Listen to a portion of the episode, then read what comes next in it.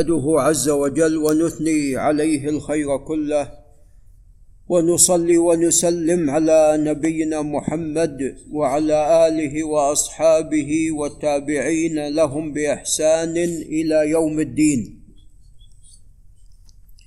أما بعد فنسأله عز وجل التوفيق والهداية والرشاد والسداد وأن يشرح صدورنا وأن ييسر أمورنا وأن يغفر لنا ذنوبنا وأن يجعلنا موفقين حيثما كنا. قال باب جواز عقد التسبيح باليد وعده بالنوى ونحوه. هذا التبويب تضمن مسألتين. طبعا هذا من كتاب المنتقى لمجد الدين أبو البركات عبد السلام بن عبد الله بن الخضر بن محمد بن علي النميري المعروف بابن تيمية الحراني المولود عام تسعين وخمسمائة والمتوفى عام اثنين وخمسين وستمائة. فهذا التبويب تضمن مسألتين المسألة الأولى مشروعية عقد التسبيح باليد. وهذا ثابت بالسنة. كان عليه الصلاة والسلام يعقد التسبيح بيده والعقد هو هذا. نعم. وأما المسألة الأخرى هو عد التسبيح بالنوى عد التسبيح بالنوى. نعم. والنوى معلوم. وعد التسبيح بالنوى هذا لم يثبت. هذا لم يثبت وقد جاء عن السلف شيء من هذا ولا بأس به. لا بأس أن الإنسان يعد التسبيح بالنوى. نعم. وقد قال حفيد المصنف أبو العباس بن تيمية أنه لا بأس بالمسبحة ولكن لا شك أن الأولى أن يكون باليد.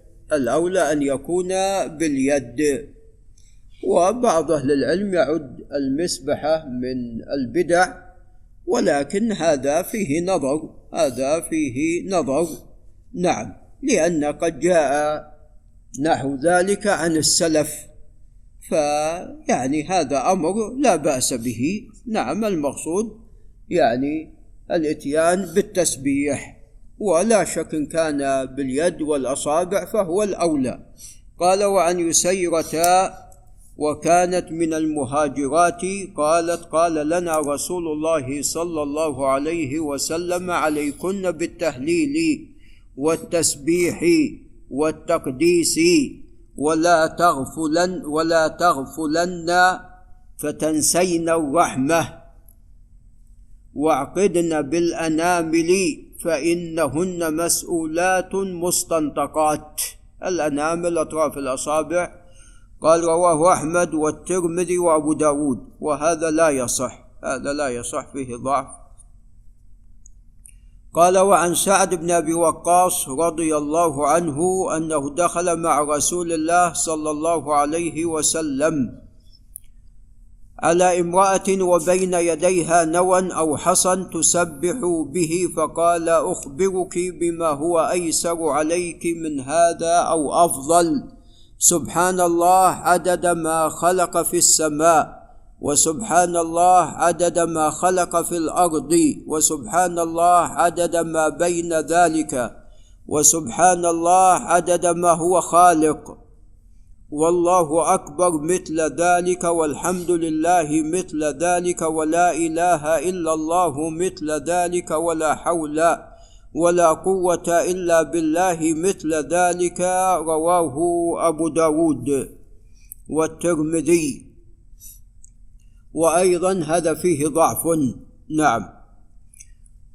وفيه من لا يعرف. قال أبو عيسى الترمذي رحمه الله هذا حديث غريب لا نعرفه من حديث صفية إلا من هذا الوجه. وهذا الذي بعد عفوا هذا الذي بعده. نعم. والذي سبق كما تقدم لا يصح. ونراجع كلام أبي عيسى الترمذي عليه. قال وعن صفية قالت دخل علي رسول الله صلى الله عليه وسلم وبين يدي أربعة آلاف نواة أسبح بها فقال لقد سبحت بهذا ألا أعلمك بأكثر مما سبحت به؟ فقالت علمني. قال فقولي سبحان الله عدد خلقه. رواه الترمذي.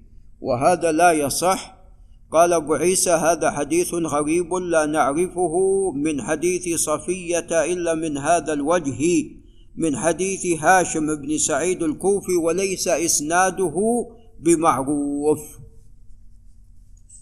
نعم ولعل نقف عند هنا.